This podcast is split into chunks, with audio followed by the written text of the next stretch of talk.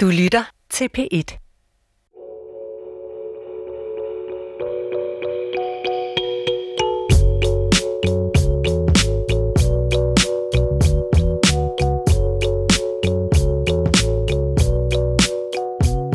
Hej og velkommen til Ping Pong. Mit navn er Morten Remer, og jeg er forfatter og musiker. Måske har du læst min seneste krimi, Skyggemor, der udkom i år. Eller også kender du mig som ham, der synger back-to-back-sangen Jonathan fra dengang i 80'erne. Men det er også lige meget. Det, der er interessant for mig, er, at sangen og romanen er fra hver sin periode af mit liv. Før og efter jeg blev bevidst om min bevidsthed. Og i 1993, altså imellem de her to udgivelser, der var 33 år gammel, læste jeg en meget populær og omtalt bog, der slog benene væk under mig, bogstaveligt talt. Indholdet chokerede mig og satte spørgsmålstegn ved min verdensopfattelse, mit selvbillede, om hvem jeg var. Og der gik lang tid, før jeg accepterede bogens budskab, at min, og også din, bevidsthed er et halvt sekund bagefter. Det kræver en forklaring, men den skal du nok få. Men et halvt sekund lyder ikke af meget, men det er nok til at udtrykke, synes jeg, et bevidst valg kan miste lidt af sin glans. Og lige siden, altså fra jeg var 33 år gammel, har jeg forsøgt at lære mig selv at kende af nysgerrighed, men også for at få det bedste ud af mig selv og livet. Jeg, mig, eller hvem jeg nu er, når nok aldrig helt rigtige mål. Og jo, jeg kender efterhånden min måde at reagere på, også den uhensigtsmæssige, og prøver stadig at holde mig selv i ørerne, når jeg ikke synes om mig selv og min måde at være på. Jeg har fået lov til at invitere manden bag den omtalte bog, Mærk verden. En meget dygtig mand, faglitterær forfatter og videnskabsformidler, Thor Nørtranders her ind i Pingpong, til en samtale om bevidsthed, nysgerrig på, om han har haft de samme kvaler som mig dengang, og om det påvirkede ham så meget, så det har afspejlet sig af hans liv og virke, som jeg mener, det har i mit. Velkommen, Thor Nørtranders, og tak fordi du vil komme. Tak fordi jeg måtte komme. Du lytter til Ping Pong på P1. To stærke kulturpersonligheder mødes for at tale om et emne, de er optaget af. I dag med musiker og forfatter Morten Remer og videnskabsformidler Thor Nørretranders.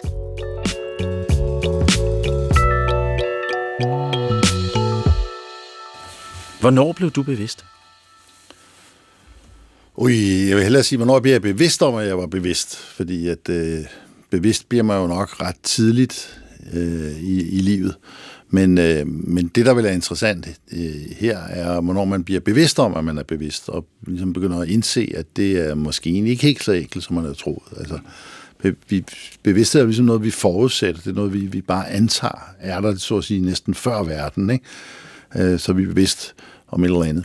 Øh, når man så begynder at tænke over det, så bliver det så lidt mere indviklet. Øh, og det begyndte jeg på som skolebarn, specielt i forbindelse med fodboldspil øh, hvor det overraskede mig meget, jeg var målmand øh, i Lundtofte Boldklub, så vi er to målmænd her, så, så er der ingen til at angribe, det er rigtig fedt.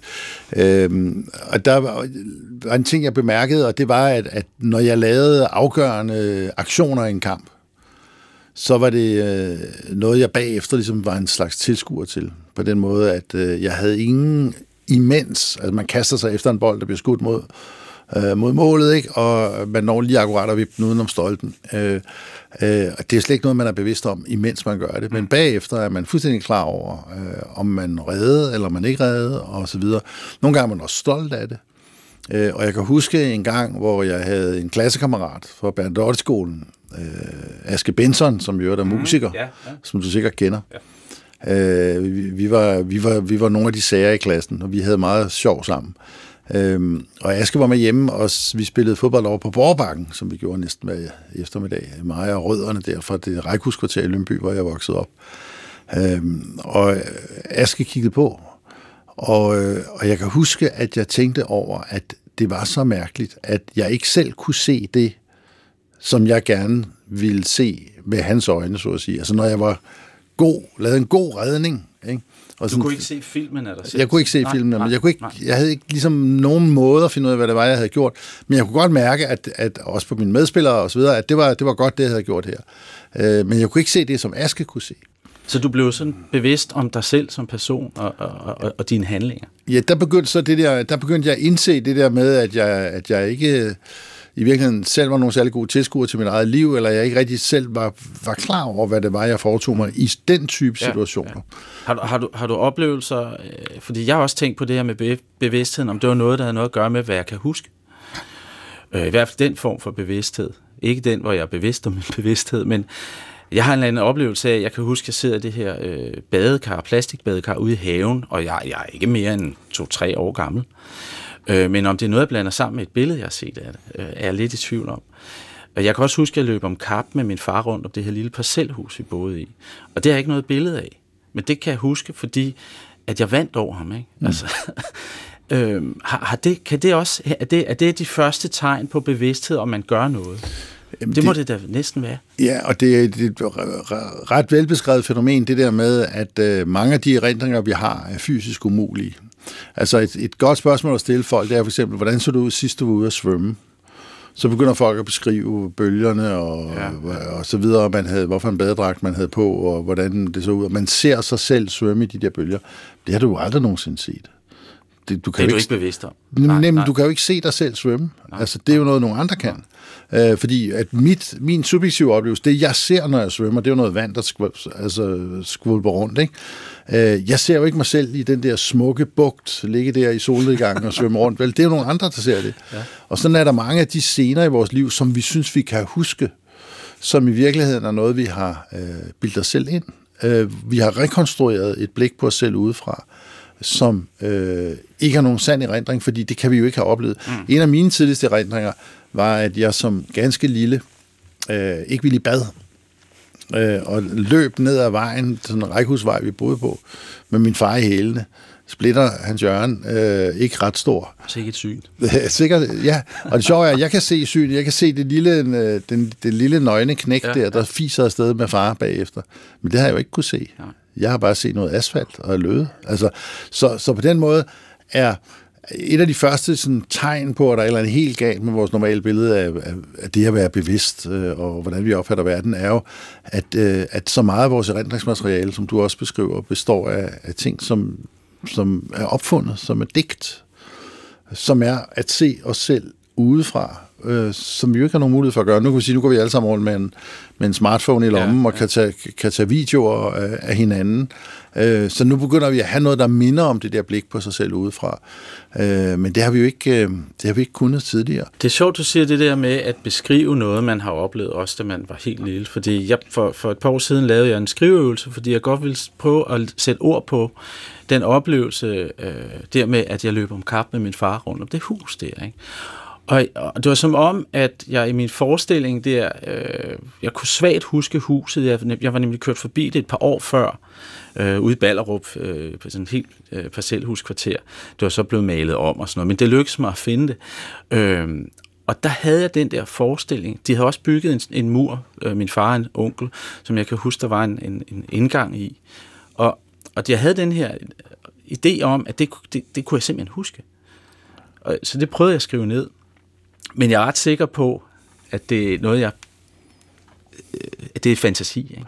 Det kan godt være, at jeg graver ubevidst. Øh, det er ubevidste billeder. Altså, det er jo også det, der er interessant, at de ting, og det kommer vi til at snakke om senere, det her med at finde på og skabe og få idéer, øh, hvor kommer det fra? Ikke? Altså, også bare det her at lægge ord på noget, jeg ved, jeg har oplevet, for jeg kan huske, jeg har også, jeg mindes, jeg kan huske, jeg talte med min far om det der. Mm.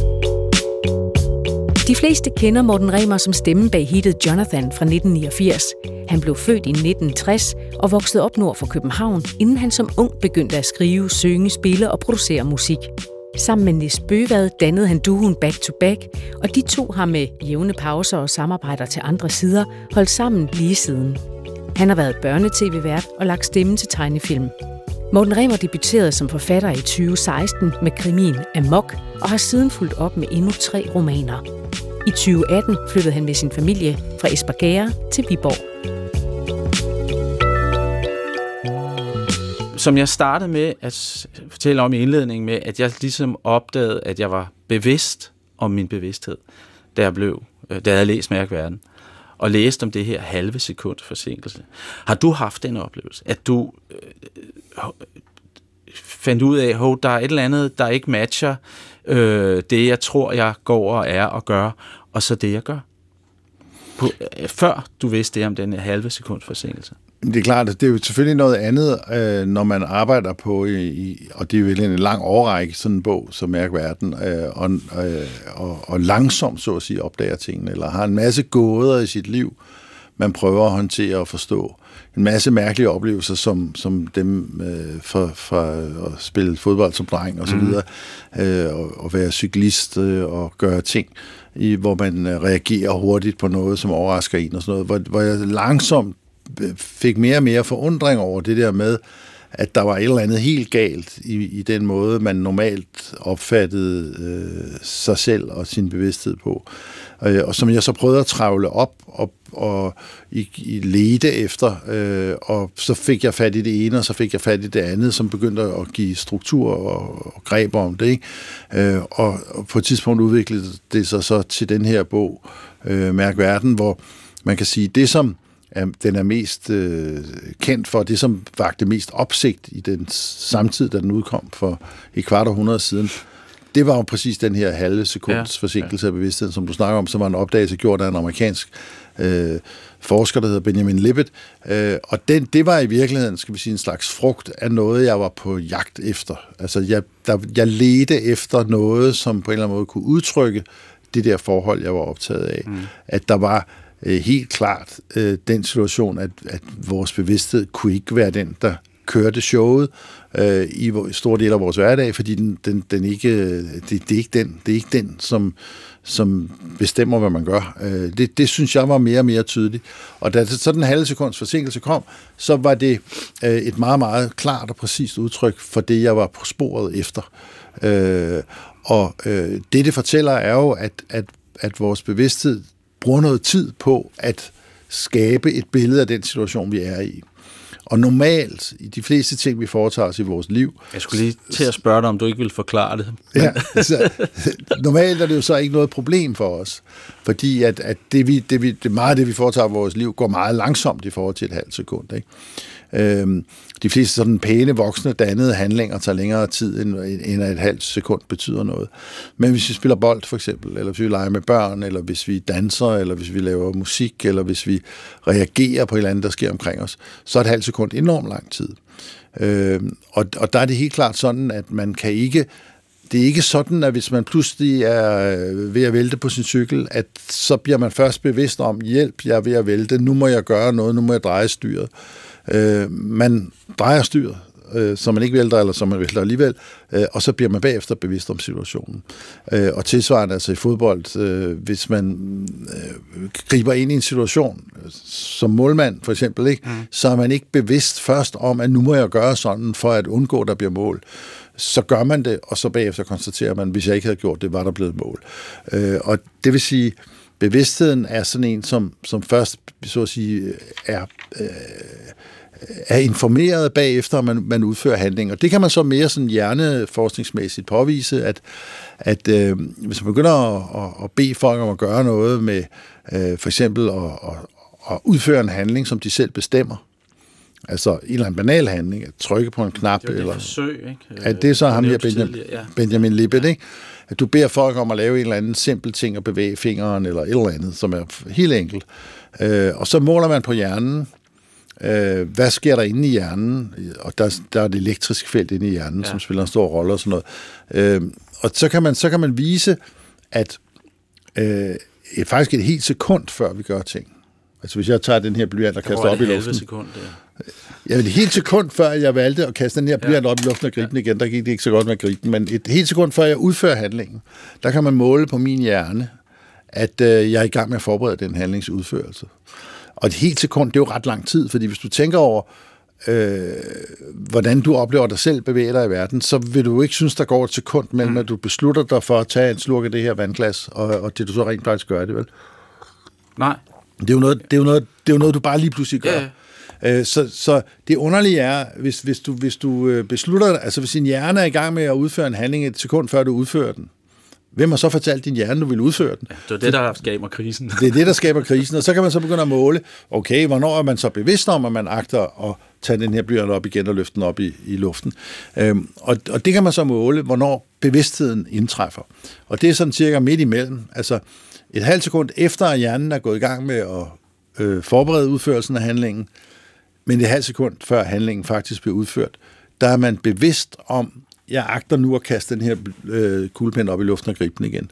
Øhm, og det er interessant, fordi på den ene side rejser det jo et næsten afgrundsdybt spørgsmål, som hedder, okay, hvis min hjerne var i gang med at forberede det et, et sekund, før jeg gjorde det, hvem fortalte så hjernen, at jeg var i færd med at gøre det? Hvem bestemmer over min hjerne, hvis ikke jeg selv gør det? Ikke? Øhm, på den anden side, et halvt sekund før betyder, at når, når jeg bliver bevidst om, nu er jeg altså på vej til igen at kaste den her åndssvagt blyant op i luften, øh, så, øh, så kan jeg lige nå at stanse handlingen, fordi jeg er bevidst om det et halvt sekund før. Så man kan nå ligesom at veto sig selv, man kan nå at stanse sig selv, og det er også noget, vi kender fra vores liv, når man er på date. Ja, og det skulle jeg ikke have sagt. Man når lige at stoppe det, eller... Ja. Til eksamen, et eller andet øh, generet på en ja, eller anden måde, ja. så, så, så vetoer man hele tiden sig ja, selv, og ja. det bliver et håbløst resultat, der kommer ud af det. Andre gange, hvor man er i, i, i, i godt leje, og, og det kører for en, og man er, har tillid til sig selv og sådan noget, så har man jo slet ikke de der opbremsninger. Så man kan sige, det er ikke nogen særlig god ting, det der med, at bevidstheden kan stanse en handling, øh, fordi det, det bliver næsten altid kajtet. Så det halve sekund handler simpelthen om, at det ikke er vores bevidsthed, der i gang sætter de ting, der bliver til vores handlinger. Det er noget andet. Jeg kan jo forstå det sådan, at, eller jeg har prøvet at forstå det sådan, at det er en rigtig smart overlevelsesstrategi, fordi at det gør, at man kan tilsidesætte øh, bevidstheden, når der ikke er tid til det, som du snakker om et, et uheld eller Øh, og, og, og det må være en del af evolutionen. Jeg har med nogen idé om, hvornår vi som mennesker blev bevidste. Øh, at, øh, er, der et eller andet ud, er, er der et eller andet, jeg har svært ved at forestille mig, at det findes, men er der et eller andet tidspunkt, hvor man siger, her, jeg ved, der er mange, der har snakket og skrevet om, at her blev mennesket bevidst, eller her var det. Og der er ikke enighed. Hvad, Altså, hvad ved du om det? Øh, altså, altså hvad, hvad, hvad, ved ja, man noget om det? Ja, altså, jeg synes, den mest interessante øh, forsøg på at bestemme det der tidspunkt på er en, en amerikansk psykolog, der hedder Julian James, som har peget på, at, at, at hvis du ser på, på de meget, meget tidlige øh, kulturer i historisk tid, sådan noget i mellem, øh, Mellemøsten, Mesopotamien, øh, Iran, Irak hedder det i dag. Dernede var sådan set vores civilisation startede og hvor det, hvor det der med byer startede, det der med skrift startede, og alle de der ting startede. At der kan man se en forandring i den måde, de taler om sig selv på. Fra at et menneske opfatter sig selv som øh, en slags øh, parlament, hvor en masse gud, guddomsstørrelser øh, øver indflydelse. Altså at en person i den tid øh, ikke synes, han selv havde en vilje og en beslut, beslutningskraft, men at der var noget, der virkede igennem ham. Der var forskellige guder, der mm. sloges ja, om, hvad ja. han skulle gøre, når han kom til det her vejkryds, øh, og, og så må han konstatere, at okay, så, så bliver det så venstre. Ikke? Det vil sige, han, hans, hans idé om en fri vilje i vores moderne forstand er slet ikke til stede, eller et ego eller en person i vores moderne forstand er ikke til stede. Han er bare en valgplads for forskellige guder. Og så opstår der så i, i den litteratur fra den tid, øh, begynder der så at komme en helt anden måde at, at se på mennesket, som netop et, der træffer en beslutning. Øh, et, et menneske, som har en, en vilje. Øh, og det øh, kan man, det kan man øh, fortolke som at sige, her bliver der en bevidsthed om, at hvad skal jeg nu gøre? Øh, så bevidstheden er meget knyttet til, øh, at være i valgsituationer, hvor man skal kunne redegøre for, hvorfor gør jeg det, hvorfor gjorde jeg ikke det sidst, hvorfor gør jeg det den her gang. Og der er det klart, hvis du sammenligner det med et dyr, øh, som lever i en øh, fantastisk vidunderlig og rig tilværelse uden en jungle, ikke? Øh, de skal kunne reagere lynhurtigt og effektivt på alt, hvad der kommer af tiger og slanger og dejlige frugter, der hænger under træerne. Ikke? Øh, og og der, der er bevidstheden måske ikke så vigtig. Det, der er vigtigt, er at kunne reagere med det samme øh, og, og være hurtig i sine handlinger. Så lægger vi så et lag ovenpå, øh, som er civilisation, som fører til, at vi pludselig er det noget med at holde styr på forskellige mennesker, og holde styr på, hvad vi har aftalt med dem, holde styr på aftalerne omkring, øh, hvornår skal der vandes marker, hvornår skal der ikke vandes marker, den slags ting. Og der begynder bevidstheden pludselig at spille en stor rolle, fordi der, der bliver vi nødt til ligesom at hinse og forholde os til, jo, men var det nu det, vi havde aftalt med hinanden? Skal vi nu gøre sådan her? Mm. Øh, og der kommer så det der lag ovenpå, som spiller en kæmpe rolle i, vor, i det moderne menneskes hverdag. Øh, men øh, en af pointerne med mærkverden er at gøre opmærksom på, at det spiller måske en meget mindre rolle, end vi tror, fordi vi lever så meget i vores bevidste øh, liv, og så meget i vores kulturliv, og så meget i vores sprog, og så meget i vores øh, og så meget i vores skærmforbrug, øh, som alt sammen er noget, der typisk har at gøre med at være bevidst om, hvad man foretager sig. Øh, og det lever vi enormt meget i, men i virkeligheden, vores hverdag, øh, vores leg med børn, vores øh, mundre trælle ned ad gaden mm. osv., øh, det, det er jo noget, vi gør uden at være øh, bevidste om det, og uden at kunne have tid til at vente på at blive bevidst om det. Thor Nørretranders blev født i København i 1955. Han er uddannet på RUG og DTU og har siden 1975 arbejdet som journalist og videnskabsformidler. Tor Nørretranders blev bredt kendt som tv-vært i 80'erne og har siden skrevet en stribe bøger om forskellige aspekter af det at være menneske. Lige fra naturvidenskabens rolle i den moderne kultur til miljøproblemer, kreativitet, troens betydning og hvad vi skal spise. Mærkverden fra 1991 blev hans store gennembrud. Han har igennem flere år været involveret i den grønne omstilling med base i Samsø Energiakademi, og sidste år rykkede han med familien fra Klampenborg til Samsø. Senest har han skrevet bogen Samfundsglæde, der udkommer i oktober 2019. Noget, jeg synes, der er svært, det er jo, at, hvis, nogen, hvis man ligesom skulle beskrive øh, bevidsthed i en sætning. Du beskriver også, at der er de her få bit til rådighed bevidstheden. Ikke? Hvad, hvad, hvad jeg synes jo var frygteligt at læse, fordi jeg tror, det er 10-12 bit, du nævner. Er det ikke noget af den? 16. 16. Oh, ja. det er 16 bit. Og hvis man ved lidt om øh, computer og sådan noget, så er det jo ingenting nærmest. Mm. Ikke? Som vi har til rådighed i sekundet til at bearbejde data. Ikke? Og der var det, da jeg begyndte at tænke lidt over det, at al den data, der er til rådighed øh, fra min krop og, og, og mit, mit mig, eller jeg, eller hvad det hedder, Øhm, hvor meget, øh, hvad, hvad går jeg glip af? Ikke? Altså, hvad er det, jeg ikke er opmærksom på? Selvfølgelig er der ting, der, det er ikke vigtigt at vide, øh, alt hvad min krop føler, øh, det er det jo ikke, men, men, men, men i det her, i personen, findes, hvor meget fylder den i forhold til de der 16 bit? Er jeg 16 bit i sekundet? Det er jo også et, det var, det var også med til at rokke ved min selvopfattelse, kan jeg huske. Men er jeg kun 16-bit? Det kommer an på, hvad jeg er, altså, øh, eller hvem du er, ikke, så at sige. Ja. Fordi hvis jeg siger, at jeg, altså mit bevidste jeg, min bevidsthed kun øh, er i stand til at håndtere 16 bit i sekundet, hvilket er meget lidt, Øh, så kan man så sige, det var dog, det var dog trist, men man kan også se, se på det på en anden måde. Man kan sige, at min krop, mit sansapparat, er i stand til at tage størrelsesordenen 11 millioner bit ind i, i sekundet, altså gennem synet og gennem hudens følsomhed, hørelse mm. og smag osv. Så, så tager vi en enorm stor mængde information ind på vores omgivelser hele tiden. Øh, og så vælger min hjerne så, øh, at der, at det meste af det behøver den ikke forholde sig til. Det kaster den bort, så at sige. For eksempel får jeg jo hele tiden visuel information. Jeg ser jo hele tiden, at loftet i det her radiostudie ikke er ved at falde ned. Jeg ser jo hele tiden, at væggen bliver stående. Jeg ser jo hele tiden, at der er lys i lampen. Jeg ser jo hele tiden, at der er et gulvtæp på gulvet. Men hvorfor skulle jeg dog være optaget af det hele tiden? Jeg får jo hele tiden de sansedata til rådighed for min organisme, som fortæller alle de her ting. Det falder ikke ned, det loft. Det er ikke farligt at være. Det falder ikke ned, det Nej. loft.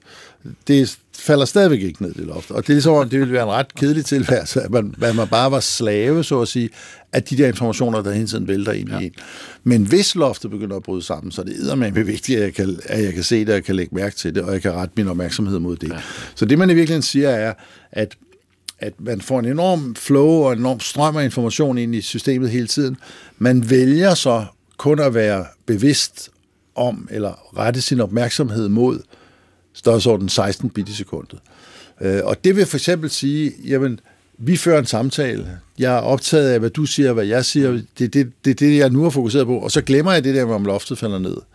Så, så man kan sige, det er jo også en, en fantastisk egenskab, vi har, at vi kan nøjes med øh, kun at være optaget en lille smule, i stedet for hele tiden at tænke på det hele. Og jeg, altså jeg, er så, er så den del af, af, af, af min person, af mig, øh, som er optaget af det, jeg er bevidst om i et givet øjeblik. Men mig, altså resten af den her person, bliver ved med at fungere. Min nyre fungerer, mit hjerte banker, min, øh, mit blod cirkulerer, øh, lungerne under ild. Der sker jo enormt meget i min krop hele tiden, som jeg ikke behøver at være bevidst om, før de sekunder, hvor det svigter. Mm. Og så skal jeg love dig for, så tænker jeg ikke på andet end det knæ der, der ikke, pludselig ikke virker. Øh, og det vil sige, en masse af vores selvoplevelse er, en selvfølgelig øh, en, øh, øh, ikke lægge mærke til sig selv. Mm. Øh, fordi hvorfor, hvorfor skulle jeg egentlig lægge mærke til mit knæ, hvis der er ikke nogen problem med det? Ikke? Nej, nej. Jamen, du skriver i foråret til Mærk Verden følgende. Bevidstheden på én gang er det mest umiddelbart nærværende og det mest uundgrundeligt uhåndgribelige i den menneskelige tilværelse. Det er jo noget af en sætning. Kan du prøve, kan det forklares, kan det siges på en mere håndgribelig måde, mere enkel måde, hvad bevidstheden er? Øh, altså, vi synes jo, det er helt indlysende og netop meget nærværende, at man er jo bare bevidst hele tiden. Man tænker jo hele tiden på et eller andet. Øh, der er hele tiden et eller andet, der fylder ens sind. Ja, ja, ja. Øh, og det er jo så det, man er bevidst om. Og bevidstheden er så sådan en forestilling om, at det er en eller anden fortløbende, kontinuerlig proces, hvor, hvor der ligesom strømmer oplevelse igennem en, ikke? Mm. Øh, som, som man lægger mærke til. Ja, ja. Det er ligesom det, der, der er bevidstheden. Og hvis man så begynder at tænke lidt over det, så er det meget, meget svært at få styr på, hvad det egentlig er. Ja. Så bliver det underligt uhåndgribeligt, fordi øh, der er netop hele tiden der er mange tilbud om, hvad jeg kunne være opmærksom på eller bevidst om i situationen. Og hvad er det så, der vælger, hvad jeg er bevidst om? Ja. Øh, det kan jo, er det bevidstheden, der gør det? Jamen det kan den jo ikke, fordi den er jo hele tiden bevidst om det, den er bevidst om. Hvad, hvad er det så i mig, som øh, siger, nu skal jeg kigge på, på, på, på væggen derovre, nu skal jeg kigge på dig. Øh, nu skal jeg være opmærksom på dig. Øh, hvad er egentlig det inde i mig? Og det, det fortæller jo ligesom, at der er nedenunder toppen af det der isbjerg, som vi kalder bevidsthed, så mm. er der jo et enormt isbjerg under vandet, som er vores øh, ikke-bevidste måde at, øh, at håndtere al den information, der vælter ind i os, og som vi laver inde i os selv hele tiden. Øhm, og der foregår enormt meget der, og, og bevidstheden er bare sådan et lille sådan spinkel efterklang af alt det andet, der er foregået. Ping Pong på P1. Denne gang med musiker og forfatter Morten Remer og videnskabsformidler Thor Nørretranders. Thor Nørretranders, nu har du fortalt lidt om bevidstheden, og om, øh, hvordan du har beskrevet det i din bog, det her halve sekunds øh, forsinkelse, som jo har rokket ved min tilværelse, der der var 33 år. Øh, men, men jeg vil også sige, at noget, jeg har, jeg har fået meget ting ud af den bog, skal du vide. Øh, jeg sætter meget stor pris på den. Dejligt. Fordi det åbner også min interesse for naturvidenskab generelt, og har begyndt at læse en masse andre ting. Men, men jeg fandt ud af, hvordan kan jeg bruge den her viden, og øh, øh, det har jeg gjort i mange forskellige tilfælde. Der er også nogle steder, hvor jeg ikke ved, hvordan jeg bruger den, men jeg har fundet ud af, hvordan jeg kan få noget ud af den. Øh, jeg, jeg, jeg er jo sangskriver, og har skrevet sange i 35 år, og... Øh, jeg er også begyndt at skrive bøger og sådan noget lignende, og det er alt sammen øh, fiktion. Altså det, det, så det er jo noget, jeg finder på. Og, og prøv, jeg har altid undret mig over processen, ikke? fordi hvor kommer det fra? Fordi det er jo ikke sådan, at, eller det er jo faktisk sådan, at det slår ned i en lige pludselig. Eller i en situation, hvor jeg skriver, hvor jeg, skal, jeg kan mærke, at i dag er jeg inspireret. Ikke? Hvordan kan jeg mærke det? Ikke? Øh, og jeg, jeg, jeg går ned i min kælder, eller hvor det nu var, jeg øh, i min lille studie med min guitar, og så sidder jeg og jammer bare, og så lige pludselig er der noget. Hvor jeg har kommet frem til, at hele den der proces med at skabe, det, det er, at hvor min bevidsthed er tilskuer til det, mit mig skaber. Mm. Og så er det, den er smagsdommer. Hov, det der kan jeg godt lide, det du sidder og laver. Altså, der sidder ligesom øh, to øh, af mig på, eller meget og jeg på min skulder, og så den ene, det er den, der prøver at finde på en masse, som jeg ikke har kontakt til, faktisk. Og, og, og, og, og så er der min bevidsthed, der sidder og lytter på det. Også når jeg sidder og skriver. Øh, der har jeg den samme Altså, der har jeg gået og tænkt lidt over, igen det der, den højre skulder siger, tænker noget, øh, som den venstre skulder, bevidstheden, godt kan lide, eller synes, det er sgu en god idé, det der. Ikke? Øh, så på den måde har jeg accepteret det. Jeg kan stadig ikke forstå det, vel? Men jeg har jo også fundet ud af, at der er situationer, hvor jeg kan forkæle min underbevidsthed. Altså, hvor jeg kan skabe rum for, at, øh, at den har det godt og kan, kan, kan, kan blive inspireret. Øh, for eksempel, når, når jeg skriver sange, så øh, da jeg var yngre, så fandt jeg ud af, at det var godt lige at have drukket lidt vin. Dæmpe belysningen og være alene hele dagen. Altså ikke omgive mig med andre mennesker. For det gav mig en eller anden melankoli, som skulle ud. Og, og så kørte processen. Og så var det ikke noget med, at så sad jeg bare og kørte derud af og indspillede alt muligt. og så næste dag, hvor jeg ikke havde lidt rødvin, ikke fordi jeg drikker rødvin hver gang jeg skal lave musik eller skrive bøger, men så var det det her med, at, at øh, så kunne jeg høre det bagefter øh, bevidst. Øh, har du også, oplever du også, øh, øh, for du, du, du, altså nu er det jo faglitterære ting, men det er jo den samme proces, med at du skal skabe noget ud fra en konkret idé eller noget videnskab. Altså hvordan, øh, hvordan forkæler du din underbevidsthed? Det, øh, det er et godt spørgsmål. Altså jeg øh, bruger meget af min tid øh, på at øh, ligesom give øh, min, min ikke-bevidsthed eller underbevidsthed øh, fri til at kunne flyde. Øh, man kan jo ikke øh, dirigere med den eller herse med den. Man må lade komme, der må komme, hvad der kommer, men der er jo så nogle ting, som erfaringsmæssigt gør, at det kommer flydende. Øh, en af mine vigtigste rutiner er en daglig gåtur på en time, hvor jeg ikke har travlt, hvor jeg ikke skal nå noget, hvor jeg ikke har noget at slæve på, øh, og hvor jeg bare er ude på øh, og lade der komme op, hvad der kommer op i sindet. Øh, og nogle gange er det meget trivielle dagligdags øh, irritationer, eller øh, skamysler, mm. eller øh, kærlighed, eller altså helt enkle ting, som vælter op. Og nogle gange er det ting, som har med mit arbejde at gøre, og nogle gange kommer der ikke noget. Men, men erfaringsmæssigt, hvis der ligesom er den der flow-time der, hvor, øh, hvor organismen kommer i bevægelse, hvor, hvor pulsen kommer lidt op, og man bevæger sig, så kan der komme øh, et tidspunkt, hvor, hvor, hvor pludselig så flyder sindet meget frit. Så kan der komme rigtig mange gode idéer på den konto. Øh, og så er det ærgerligt, når man skal, hvis man skal stande op og skrive dem ned, eller diktere dem, eller sådan noget, fordi at, at det er netop et flow, man er i. Og, og så kan man nogle gange øh, senere tænke, nej, okay, det var ikke så interessant, som jeg synes, det var i situationen, mm. men, men altså at, at give, give los, give slip, og det har jeg set mange beskrivelser af fra, fra kunstnerisk hold, også fra videnskabeligt hold, det der med at finde de der tricks, der skal til for at man ikke overvåger, hvad man, laver. Altså, at man ikke tænker, er jeg nu i gang med at få en god idé? Ja, ja. Øh, men at man bare øh, flyder derud af. Det var sådan i slutningen af 60'erne, begyndelsen af 70'erne, at man i amerikansk fysik hvis vi må nævne videnskab, ja, sådan et fint kulturprogram her, øh, der, der var der en stor bekymring for, at, at øh, der ikke ville blive lavet god fysik mere. Og fordi? Grund, fordi at øh, alle de unge, talentfulde mennesker, de fik øh, fuldskæg. Øh, og da alle gode idéer jo som bekendt kommer under morgenbarberingen, øh, ah. så ville det betyde, at der ikke længere var nogen gode idéer. Altså, altså morgenbarbering er ja. et godt eksempel på sådan ja. en, en aktivitet, som ikke kræver ret meget bevidsthed, ja. øh, eller sådan bevidst overvågning lægge mærke til, men som på den anden side ligesom er en proces, der foregår. Og derfor sætter den det ikke bevidste fri til at kunne folde sig ud. Ja. Øh, og, og der tror jeg, det er en, det er en vigtig ting, øh, både selvfølgelig øh, rusmidler kan det, men, men der er også mange, mange ting, øh, hvor fysisk aktivitet for mig ser et godt eksempel på, på, på ting, som, som fører os ind i sådan en flydende tilstand, hvor det, hvor det, hvor det, hvor det nemmere vælter ud. Ikke? Men, øh, men, men så en ting er jo at få idéerne, den anden ting er jo så, at skal der noget hårdt arbejde til. Ja, ja, og der ja. har vi brug for bevidsthed, både ja, til at vælge, ja, hvorfor ja. nogle idéer, men jo også til den der disciplinering, som så ligger i, at den gode idé skal jo så blive til en sang, eller til en, en bog, eller hvad det nu er, det skal blive til. Ikke? Og det, der, der skal så øh, aflægges rapport ja, hos øh, ja. kontrolvirksomheden der. I dagens Pingpong på P1 handler det om bevidsthed og om, hvordan man kan udnytte sin viden om bevidstheden i kunsten og det kreative arbejde.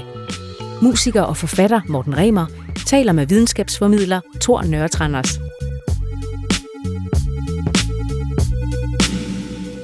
Der er også en anden ting, jeg, jeg, har, jeg har lært om, om, om bevidstheden øh, og, og det her med den her forsinkelse. Du, du beskriver det her klassiske eksempel med Michael Laudrup, der bliver alene med Peter Shilton på Wembley Stadion, øh, kort inde i starten af en meget vigtig øh, kvalifikationskamp, ikke? og han er helt alene. Og så beskriver han skyder ved siden af, ikke? altså super talent over alle talenter. Det er fordi, han når at tænke sig om. Ikke? Og nu, jeg spiller selv fodbold, og det, det er ikke lige på det niveau. Men hvis jeg begynder at tænke mig om, så går det også altid galt. Ikke? Øh, men det, jeg har kunne bruge det til nogle gange, altså nu, nu kommer jeg lige med et par øh, mm. eksempler, hvor, hvor, hvor det har betydet noget virkelig for mig. Øh, den ene gang, der var jeg inviteret til sådan en øh, velgørenhedskoncert inde i Falconer-salen, hvor en masse af mine øh, store idoler fra popbranchen var, var med, og så, så var jeg, jeg var sådan den unge der, og var, øh, jeg var sgu øh, stolt over, at jeg skulle være med der. Og der var et stort orkester med masse af de bedste musikere i landet, øh, som jeg havde været til prøve med. Og øh, det var stort for mig, det her. Og der var 2500 mennesker i Falconer-salen. Det blev optaget med live, eller det blev optaget live on tape, med kamera, der fløj ind over, og prøverne var gået rigtig godt. Og jeg skulle synge en sang, som jeg har sunget tusind gange før, You Can Call Me Al, øh, med Paul Sammer, den her fantastiske sang, som, som øh, er svær, fordi der er rigtig, rigtig mange ord, og det, skal gå, det går meget hurtigt. Men øh, øh, jeg har indstuderet den voldsomt, og, og og katten nærmest i blinde. Og jeg er lidt nervøs. Og øh, jeg går til sceneindgangen, og der står en, en, en, en assistent og siger, værsgo, nu skal du ind. Og jeg kigger op på kapelmesteren, og han smiler til mig, og bandet, og det kører. Og så vil jeg lige huske den første linje. Og så er jeg helt blank. Og jeg, kan, jeg, jeg, blev, jeg, jeg får den følelse også nu, fordi det er en oplevelse, jeg håber aldrig får igen, at øh, hårene rejser sig på mig, og øh, der er otte takter tilbage, øh, og jeg går frem til mikrofonen, der kom det her kamera, der kom simpelthen kamera flyvende, du ved ikke, det skulle være fede billeder, ikke? ind i hovedet på mig, og jeg går frem til den der mikrofon, og tænker, nu dør jeg. Men så slår det mig. Nu lukker jeg af. Jeg lukker alt ned. Og så, jeg, jeg står simpelthen foran mikrofonen med armene nede, og kigger lige op på kapelmesteren, så nu. Og så kommer han. Og det er jo et fantastisk øjeblik. Og det var fordi, jeg havde læst Mærkverden. Nå, okay. at jeg, jamen det var det, at jeg havde fået den viden, at, at, øh, at det reddede mig simpelthen det. Og, og det bruger jeg, altså også nu, når jeg er ude og optræde, hvis jeg, jeg er træt og sådan noget, så, kan, så ved jeg, så kan det godt være lidt svært at huske nogle gange og sådan noget. Så slår jeg den der bevidsthed fra, for det, det kan man faktisk godt. Jeg bruger det også, øh, eller jeg brugte det rigtig meget. Jeg kørte rigtig meget racerløb. Ja, start, ja, altså ja, på nej, cykel det vidste eller nok. bil? Nej, øh, øh, motorsport. Altså okay. Jyllandsring. Altså, jeg kørte okay. noget der Ferrari Challenge Cup og sådan noget. Tak skal Barnedrøm. Jamen, det var noget... Det var før klimakrisen. Det var før klima, ja, det var faktisk... Øh, ja, det var før klimakrisen. Men øh, der er starten jo et meget afgørende øjeblik. Ja. Og jeg var en rigtig god amatørkører. Ja. Øh, men det her med starten, det viste at det var jeg rigtig god til. Al, øh, I forhold til alle andre. Fordi der brugte jeg også det der, når jeg kigger op på lyset. Og jeg havde faktisk lavet sådan en øvelse på en computer. Jeg kunne, at hvis jeg slog mig fra, så var jeg 10 del hurtigere. Ja. Altså, og, og, og, og det gjorde, at når starten gik, så kørte jeg jo 30 km i timen, når de andre lige var kommet i gang og sådan noget. Så, så det er jo også noget, man kan bruge, ja. og der er helt sikkert andre, altså professionelle sportsfolk, der også bruger det. Bruger du også din bevidsthed på den måde til noget? til at slå den fra? Det, ja, ja, til at slå den fra. Øh, ja, altså man kan sige, meget, meget professionalitet øh, handler jo om, altså øh, øh at performe, altså foredrag for eksempel, som, som er en vigtig del af min beskæftigelse. Ja, ja, man kan sige, det er ja. mine live-koncerter, om du vil. Ikke? Ja. Øhm, der, der handler det jo enormt meget om at have den, øh, den træning og rutine og selvtillid, som det giver, at, øh, at man på den ene side kan tage imod nervøsiteten, og at den her gang går det sgu nok galt. Den her gang er jeg ikke godt nok forberedt. Den her gang er der et eller andet, ja, ja. der distraherer mig i mit baghoved fra den samtale, vi havde i går derhjemme, eller mm. et eller andet. Ikke? Mm. Øh, og så til, at en eller anden professionalitet tager over og bare siger, nå, øh, og så kører den. Mm. Ikke? Øh, og, og hvor man siger, det, det handler jo meget om at have den ro med sig selv, den tillid med sig selv, at man tør give slip på den bevidste kontrol.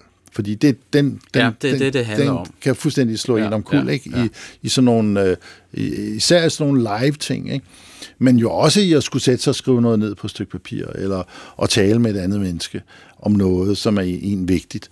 Øh, at hvis man tænker for meget over det, er for meget bevidst om det, så går det galt. Og hvis man tør sætte sig ned og åbne sit hjerte og bare kommunikere med et andet menneske, jamen så, løser det sig jo forbløffende ofte, det, det problem, man har. Altså, sådan havde jeg det, før jeg skulle lave den her udsendelse, fordi jeg laver jo ikke radio til daglig eller noget, ja. ikke? Og, og øh, da jeg har haft den der, så har jeg tænkt, at det går nok. Jamen, det er det. Altså, det går nok, fordi ja. det, jeg har da prøvet noget lignende, og, og ja. du skal nok snart kunne regne med. Og, øh, så, så, så, så det handler meget om tillid til ja. sig selv, ikke? Det har du ret i. Og så handler det om at have nogle tricks, øh, have nogle måder ligesom at, øh, at flytte en stemning på som man ikke kan flytte bevidst. Altså i, i vores familie derhjemme, der har, der har et, et, et trick, som har været i brug i mange år faktisk, har været, at når, når børnene var gået i baglås, og det hele var lidt muggent, og ah, okay, hvad skal man stille op, ikke? Ja. Så satte jeg en sang på, øh, som du har skrevet, der hedder Jamaica. Nå! Ej, jeg har ikke skrevet men jeg har indspillet den. Det er rigtigt. ja, den? Okay. ja, de her OA-plader der. Øh, og fordi den har det der instant, Ja. happy, uh, Ja. go lucky, Ja, det er en sang, ja. øh, dum og glad, ikke? Ja, ja, fuldstændig. Og når man lige bliver flyttet ind i den stemning, øh, så er det svært at fastholde det der superfjes, Ja. som enten jeg eller børnene havde fundet på. Øh, og så, så pludselig er der noget, der løsner sig op, og man kommer Ja. til at grine lidt. Ikke? Det trick skal jeg lige tage til mig. Bare ikke med min egen sang, for Nej. mine børn hader at høre mig synge. Ja, det, det, det kan være. Men det, det, hvem har skrevet sangen? Øh, det er en, øh, en øh, skolelærer fra en lille skole oppe i Helsingør. Nu kan jeg ikke lige huske hans navn, men han blev lidt vred på mig, Nå. fordi det viste sig, at jeg havde lavet lidt om på melodien. Det var han ikke meget for. Nå. Men jeg tror, han tjente rigtig mange penge på det. Ja. Så fred Ja, med han det. både lavet tekst og melodi. Ja, det tror jeg nok. Ja. Og så, du, og så har du sunget på sådan Ja, en så af var det de en del af de her OABE, som Ja. DR var med til at lave Ja. ja. sammen med øh, Sony Records, ja. hvor jeg så, jeg tror faktisk, jeg er med på de fleste af dem. Ja. Så. Men, men den sang øh, har en eller anden øh, energi. Hvorfor, altså, det må jo også være et problem, han har sagt, når man skal indspille sådan en sang. Hvordan leverer man den energi? Altså, det er jo ikke noget, du kan ikke bevidst sige, nu vil jeg være Jamaica hele natten. Øh, Nej, vi, det, det går jo ret hurtigt, fordi det er så snart man starter den der reggaeton-rytme-agtige øh, Ja. ja. Jamaica-rytme, så bliver vi jo også påvirket. Musikeren bliver påvirket. Ja. Øh, og jeg kan huske, at jeg havde inviteret et øh, stilband med ind, fordi, eller sti, øh, stiltrummer. Øh, olietønder hedder det, ikke? Ja. Og øh, de var så glade, så det var bare sådan helt stemningen var, som du kan høre på pladen. Det er ja. det, der er finten i at ja. indspille musik. Ja. Det er at skabe den der stemning, der nummeret skal have. Så i virkeligheden kan man, altså en af de ting, som musik jo er fantastisk til, men som meget kunst og kultur er fantastisk til, det er jo ligesom på kommando, så at sige, at frembringe en bestemt stemning, som vi ikke ellers ved, hvordan vi skal bringe os i. Ikke?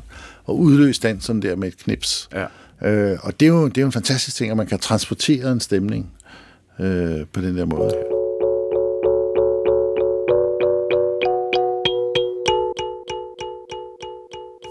Nu nævnte du musik, så vil jeg lige spørge, er du Beatles-fan? Ja, det kan du tro. Ja, nu skal du høre et nummer her.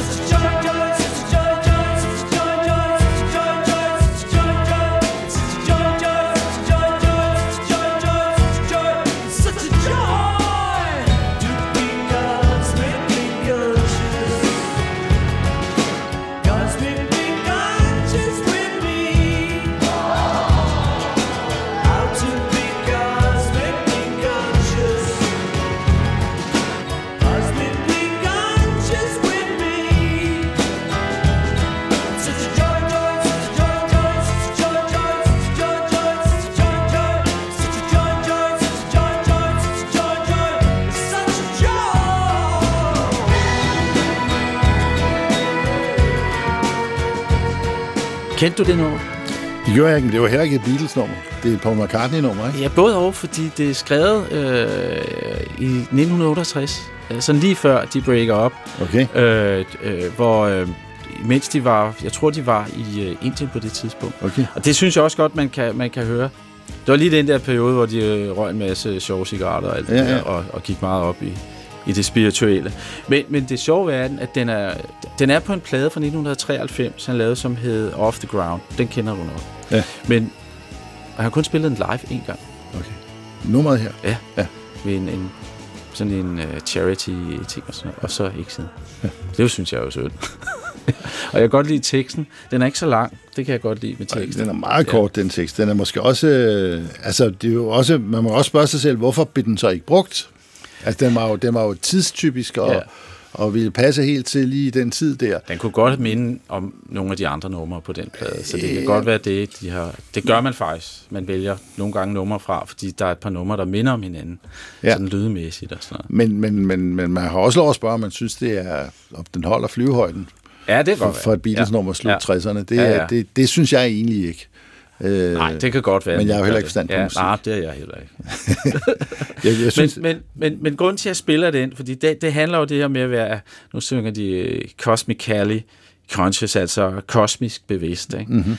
Øhm, og, og, og der skete jo også det, da jeg læste Mærk Verden. Jeg blev mere nysgerrig på naturvidenskab, og øh, begyndte sådan faktisk at kigge op af. Ikke? Fordi hvem, hvem er, ikke kun hvem er jeg, og, men også hvor er jeg henne, synes jeg begyndte at blive interessant. Og blev meget interesseret i astronomi og... Øh, Øh, også øh, partikelfysik og sådan noget, uden at jeg skal kloge mig på det. Øh, men det, inter- det interesserede mig, og interesserer mig meget. Øh, men da jeg så ligesom havde fået det der på plads, ikke, så synes jeg ikke rigtigt, at jeg er kommet sindssygt meget nærmere på, hvem er jeg? Hvem er jeg? Det er, jo, det er jo ikke noget spørgsmål, man formentlig kan besvare sådan lige, Nej. du ved, bum. Øh, må ikke det tager et liv at finde ud af det, øh, og, og måske engang, øh, er det måske engang nok. Øh, på den måde, man når frem til noget, hvem er jeg? Altså, øh, og jeg er ikke sikker på, at man ved at kigge ud i universet egentlig bliver klogere på det, men jeg tror, det er enormt fedt at, øh, at undre sig på alle de ting, du fortæller, og du mm. undrer dig om, og jeg bliver meget glad for at høre, at, at, at sådan en bog der kan sætte dig i gang med, med sådan nogle ting. Ja. Det tror jeg, er, det hører med til et hvert menneskes liv. Alle børn er jo vildt optaget af sådan nogle ting, og så er det som om, man aflærer det som voksen og holder op med at interessere sig og undre sig. Ikke? Øhm, men men, altså, hvis, man, hvis jeg skal byde mere sådan alvorligt ment på, Ja. hvem er jeg, ikke? Jamen, så, vil, så vil jeg sige, man er jo meget et netværk af nogle relationer til nogle andre mennesker. Men også et, i ens netværk af relationer, altså man, man, man forholder sig til en hel masse mennesker, til en hel masse ting, også i naturen. Man er også en del af en biologisk udvikling, en evolutionshistorie, som, hvor man er knyttet til en masse ting. Og, og virkelig er man sådan en, en, en, en knude i et netværk af mange forskellige ting, der strider ud og rører ved mange, mange, mange ting. Og man er vant til at tænke på sig selv som sådan en ting, som ligesom en stol er adskilt fra resten af verden. Måske er øh, du og jeg snarere øh, sådan nogle ligesom virvler i en, i, en, i, en, i en strøm af vand, for eksempel, ikke? hvor der kan stå en virvel, men det stof, som indgår i den virvel, ændres jo, skiftes jo hele tiden ud, fordi Ja, ja, ja. floden løber. Ikke? Øh, vi er en, en, en virvel i en strøm af, af oplevelser, energi og, og mad øh, og lort og sådan noget, som tonser gennem universet, og hvor der er sådan en lille sjovt mønster, der hedder Morten, som lige er der der og står og, og split sekund. fanger alt stoffet ind, ind i den der virvel og ud igen, ikke? Øh, og, og, og det er jo fantastisk, at sådan en kan findes. Øh, Altså, grund til, at jeg kiggede op, det var, fordi jeg tænkte, hvor, hvor er, hvad, er min, hvad er min plan her i universet et eller andet sted? Og der fandt jeg jo så ud af, fordi, øh, og det ved du godt, ikke, at der er jo trillioner og trilliarder af stjerner og galakser, at det er jo et, ufatteligt, at... Øh, og, og, og, og, og vores tidsregning er jo et splitsekund af, af millioner og milliarder år, ikke? At, øh, at det var der fandt jeg et eller andet ro, fordi at så var det ikke så vigtigt, jeg var her eller ikke. Altså, universelt set, ikke? Men at jeg på den måde kunne blive bevidst om, at øh, min rolle i universet, ja, det lyder meget ophøjet, men, men, men det, det gav mig bare en ro. At, at øh, så kunne jeg bare koncentrere mig om mig selv, mm. og mine omgivelser, og, og min familie og venner, og hvad jeg nu havde lyst til i livet. Øh, øh, men, men, men jeg tror, der er mange, der ikke Ja. prøver at ligesom... At der, der er jo mange, der gerne vil vide, hvem de er. Ja. Altså, der er jo alle de her øh, mindfulness mm. og øh, åndemager og healer og øh, psykologer og psykiater og sådan noget lignende, men det er jo stadigvæk lidt en gåde, hvem vi er, synes jeg. Helt klart, men altså, du, du siger, jeg hørte to ting, ikke? Ja. Altså, du siger, at, at det at indse, universet er så stort, som det er, giver dig en eller anden ro, der hedder, jamen, så kan du alligevel ikke tage ansvaret for det hele, så må du ligesom tage dig af det, som er lige foran dig. Det er Og- princippet, det jeg siger. og gøre ordentligt, ikke? Det er en del af det, Og, og det er jo klart, det, altså det der med at finde ud af, at man er en del af noget, der er større end en selv, øh, også at øh, man ikke har helt styr på tingene, øh, man ikke har ansvar for alting, men at man, man kan sige, jeg har min lille verden, og jeg kan gøre det så godt, jeg nu kan, og så må det blive, som det bliver, og så må jeg sige tak, ligegyldigt hvad der sker. Det er jo en, det er jo en, en, en meget, meget fin øh, øvelse at kunne gå ind i. Overlevelsesstrategi. Ja, det er da en, en, en god ting at gå ind i. Ikke? Øh, og, men, men, men om det så fører til svaret på, hvem er jeg, som du stiller, ikke? det er jo så, det er så lidt sværere at se, ikke? fordi... Øh, Jamen, det gør det heller ikke. nej, Det er jeg enig i. Men det placerer mig som individ øh, et sted, hvor det netop som du siger, hvor jeg kan slappe af. ja, Øh, jeg behøver ikke øh, erobre verden eller redde verden øh, hele tiden. Øhm, og, og, og, og det gør sådan, at jeg synes, jeg er blevet bevidst mm. om mig selv i universet. Ja. Men, men ikke, at jeg at, at så er jeg stadigvæk, og det vil jeg egentlig godt snakke lidt om, at jeg stadigvæk føler, at jeg er passager til mit eget liv. Fordi, at hvad, hvorfor handler jeg, som jeg gør? Det, du, du nævnte tidligere mm. det der med, at man skal have tillid til sig selv. Øh, og det har jeg da. Det synes jeg, jeg har i dag. Ikke? Men hvad med dem, som ikke har den tillid? Øh, dem, som gør ting, de slet ikke har lyst til, og bliver kede af, de gør. Øh, er det, findes der mennesker uden bevidsthed? Er, er, er det, hvad? Det var mange spørgsmål Ja, på en gang. ja, altså- men, men bare det, at nogen ja. går og stjæler noget, øh, og så bagefter Ja. fortryder de. Ja. Altså, der er jo et eller andet Ja. der. Altså det sjove er, at, at den gruppe af mennesker, som man oftest hører beskrevet som, at de ikke i normal forstand har bevidsthed, øh, det er folk med den øh, psykiske lidelse, man kalder autisme. Mm. Øh, fordi de har ikke tilgang til den almindelige sådan, sociale konvention om, hvordan ting er. De har svære ved at tænke i abstrakte begreber. Hvis man beder dem om at tænke på en kat, så tænker de på så at sige, videoer af katte, ikke på begrebet kat, som du og jeg vil gøre. Øh, og, og derfor kan man med meget stor ret sige, at de ikke har bevidsthed i normal forstand. Men der er også noget, som er meget karakteristisk for beskrivelsen af autister, øh, som tit er meget begavede og meget mm. sympatiske mennesker, og det er, at de ikke er i stand til at udføre onde handlinger.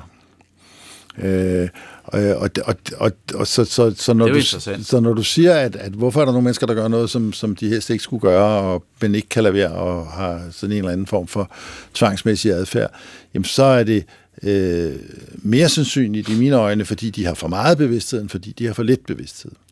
Fordi bevidstheden har det med at lave et narrenummer med os. Den snyder os på den måde, at den, den går enormt meget ud på at sige, at, at jeg er i kontrol. Øh, jeg kan bringe mig selv i den tilstand, jeg gerne vil være i. Og så finder det der bevidste jeg, den der kontrolfreak, vi alle sammen har inde i os, den finder ud af, at hvis jeg drikker et glas rødvin, eller hvis jeg røver en bank, eller hvis jeg plukker en buket blomster, så bliver jeg rigtig glad. Ja. Ikke? Øh, og det kan, det, kan, det kan bevidstheden jo styre. Den kan jo beslutte sig for at sige, nu vil jeg røve en bank, eller nu vil jeg plukke nogle blomster, hvad der så sker Det bagefter. er bevidste handlinger. Ja. Det er ikke ubevidste. Og, det, og, det, og meget af sådan noget øh, tvangsmæssig adfærd handler om bevidsthedens, i mine øjne, bevidsthedens desperate forsøg på at kontrollere det, som den ikke kan kontrollere, nemlig det der enorme ocean af stemning og følelse, der er inde i et menneske. Øh, men, men den har så fundet ud af, at ah, der er nogle bestemte knapper, jeg kan trykke på, som en cigaret, øh, som, som bum, bringer personen i en anden tilstand, altså bringer mit indre ja, i en anden ja, tilstand. Ja.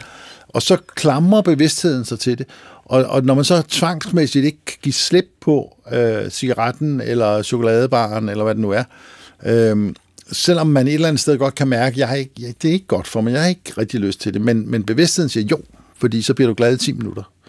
Og så er det mig, der gør, øh, så, er det, så er det jeg bestemmer, at jeg vil være glad. Ikke? Det er ret interessant, det du siger, fordi jeg synes, jeg kan mindes, at øh, da den her bog kom ud, så var der nogen, der begyndte at snakke om, at man ikke var ansvarlig for sine handlinger.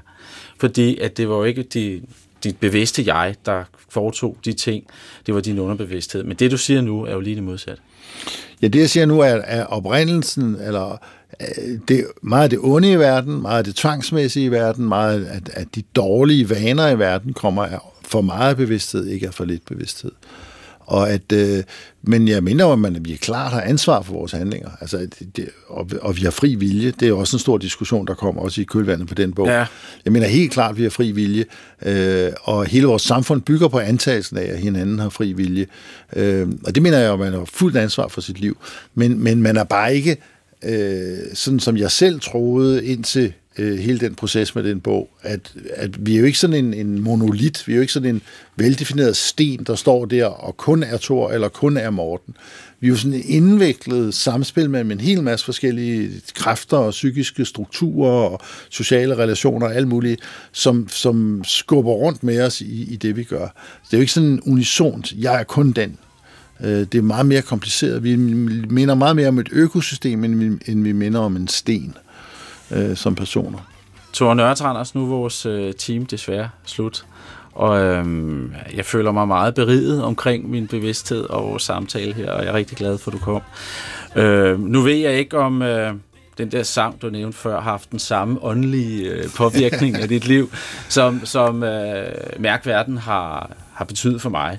Men øh, for ligesom vi skal forlade studiet den samme gode, glade stemning, så tænker jeg på, at vi måske skulle høre en lille bid af det. Er du med på den? Det vil jeg, jeg synes var rigtig, rigtig dejligt, og jeg, og jeg vil sige, at den sang har reddet mange små stunder hjemme i vores lille familie og, og bragt det hele lidt på glæde. Og det er jo, det er jo ikke noget, man skal kimse af. En hverdagsting, der er vigtig. Ja. Tak. Jamaica, Jamaica, Jamaica.